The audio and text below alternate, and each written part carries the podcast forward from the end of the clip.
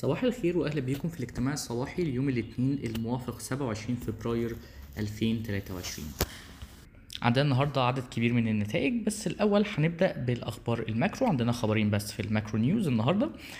أول خبر معانا إن مصر بتسعى لتحقيق الاكتفاء الذاتي من البنزين والسولار حيث إن وزير البترول والثروة المعدنية كشف عن تطورات خطة مصر للاكتفاء الذاتي من البنزين والسولار.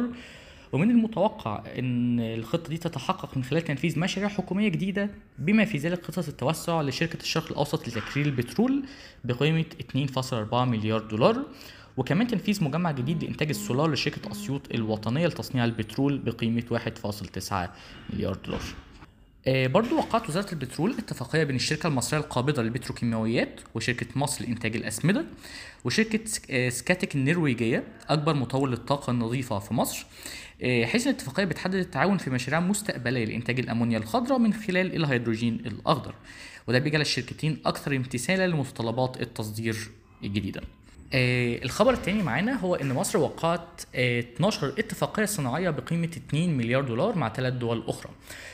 وده كان جزء من الشراكة الصناعية بين مصر والأردن والإمارات والبحرين حيث إن ال- ال- الأربع دول وقعت 12 اتفاقية جديدة بقيمة 2 مليار دولار والاتفاقية دي بتشمل استثمارات في تسع مشاريع صناعية في خمس قطاعات رئيسية وهي قطاع الزراعة والأدوية والمعادن والبتروكيماويات والسيارات الكهربائية. ومن ضمنهم سيتم استثمار 500 مليون دولار في الشركة المصرية آه، صودا للصناعات الكيماوية لإنتاج كربونات الصوديوم. نبدأ بقى بالأخبار ال corporate آه، معايا زميلي يوسف غازي هيكلمكم عن نتائج B Investments. B Investment نزلت نتائجها المستقلة للربع الرابع لسنة عشرين اتنين وعشرين صافي الأرباح وصل لتمنمية وستين مليون جنيه عن مية تلاتة وعشرين مليون جنيه العام السابق عن إيرادات برضو بلغت تسعمية تسعة وتسعين مليون جنيه مقابل مية خمسة وسبعين مليون جنيه في عشرين واحد وعشرين. الزيادة الملحوظة في الأرباح كانت ناتجة عن فروق ترجمة أكتر بخمسة مليون جنيه. جاني الاستثمار من خروجه من حصة جيزة سيستمز ودي كانت بتسعمية وتلاتاشر مليون جنيه. أما بخصوص كامل مصروفات B Investment فهي ارتفعت لتوصل لمية تسعة وتمانين مليون جنيه. مقابل تسعة وعشرين مليون جنيه في عشرين واحد وعشرين. مجلس إدارة B Investment وافق على توزيع أرباح نقدية قدرها أربعة جنيه للسهم أو ستمية وأربعين مليون جنيه. ودلوقتي معانا زميلتي آه، سلمى خالد المحلل المالي. هتكلمكم عن نتائج GB Corp. أعلنت GB Corp عن نتائجها بتاعة 2022 وإنها سجلت صافي ربح مش عادي. بيبلغ قيمته ما يقارب من 10 مليار جنيه مقابل 1.4 مليار جنيه في 2021 وده على الرغم من انخفاض الإيرادات ب 5% على أساس سنوي لتصل إلى 30 مليار جنيه. وارتفاع صافي الربح ده سببه بيع 7.5% من حصتها في MNT حالا مقابل 8.2 مليار جنيه. في الوقت نفسه GB Auto and Auto Related سجلت صافي ربح 933 مليون جنيه بزيادة 17% على أساس سنوي وده بيرجع لزيادة هامش مجمل الربح بخمس نقاط مئوية على أساس سنوي ليصل ل 18% بالرغم من ده الإيرادات قلت ب 13% على أساس سنوي وده كله بيرجع لنقص العملات الأجنبية وقيود المفروضه على الاستيراد. فيما يتعلق ب GB Capital فسجلت GB Capital 847 مليون جنيه صافي أرباح باستثناء بيع حصه MNT حالا بزياده 25% على أساس سنوي بالإضافة إلى ذلك نمت الإيرادات لتصل إلى 9.4 مليار جنيه بزيادة 18% على أساس سنوي وتوسع هامش مجمل الربح بسبع نقاط مئوية على أساس سنوي ليصل ل 44% وكمان كمالة للنتائج معانا نتائج آه، مدينة مصر للإسكان والتعمير.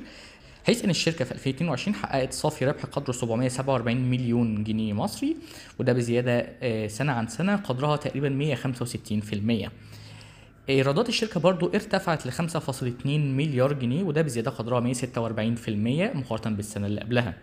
هامش مجمل الربح وصل ل 38.7% وده بزيادة قدرها 3.5% عن السنة اللي قبلها وده كان بسبب ارتفاع الدخل من التقسيط. المبيعات التعاقدية برضو زادت ووصلت ل 11.2 مليار جنيه وده بزيادة قدرها 224% على أساس سنوي.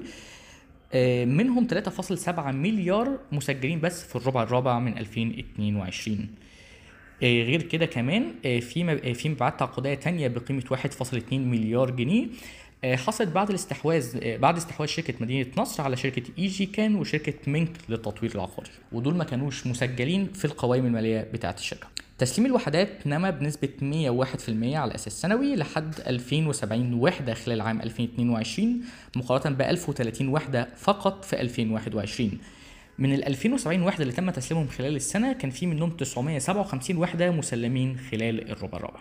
نتائج موبكو المبدئية المستقلة لعام 2022 أظهرت ارتفاع في صافي الربح بنسبة 148% على أساس سنوي اللي وصل ل 3.8 مليار جنيه وده كان بسببه جزئيا زيادة بنسبة 106% في إيرادات الشركة اللي وصلت ل 6.9 مليار جنيه. القفزة القوية دي في الإيرادات وفي الأرباح كان سببها آه، ارتفاع أسعار الأسمدة لمستويات تاريخية في عام 2022 ومع ذلك اتسع هامش مجمل الربح بنسبة 2 نقطة مئوية فقط على أساس سنوي إلى 61%. آه، معانا كمان آه، نتائج شركتين للأسمنت. أول شركة معانا هي مصر بني سويف للأسمنت اللي رجعت للخسائر بسبب مخصصات القضايا اللي عليها. حيث إن نتائج مصر بني سويف لعام 2022 كانت حققت صافي خسارة قدرها 146 مليون جنيه مصري.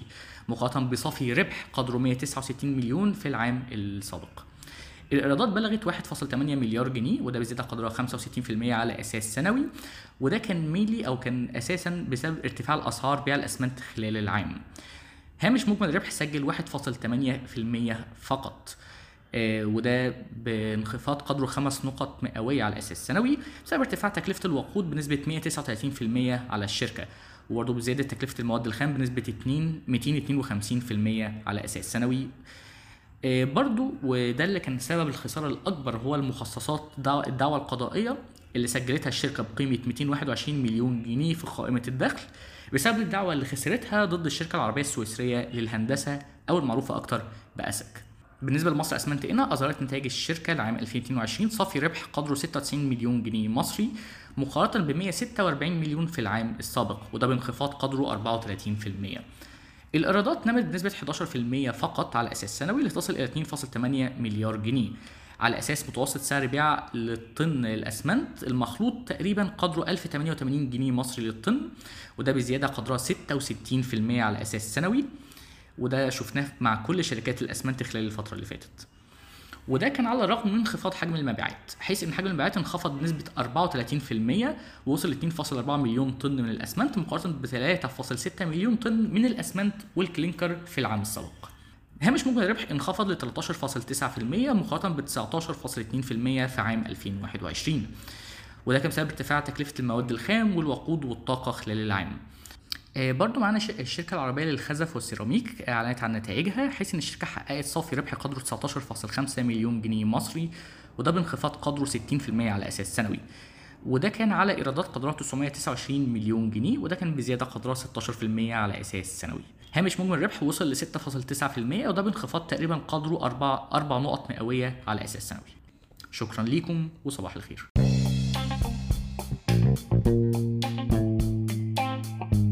يرجى العلم أن هذا العرض هو لأغراض معرفية فقط، ولا يمكن اعتباره عرض أو توصية شراء أو بيع أو إدارة استثمارات أو خدمات استشارية. ينصح باستشارة مستشارك المالي قبل اتخاذ أي قرار استثماري، علماً بأن الأداء التاريخي ليس مؤشراً يعتمد عليه لتحديد الأداء في المستقبل.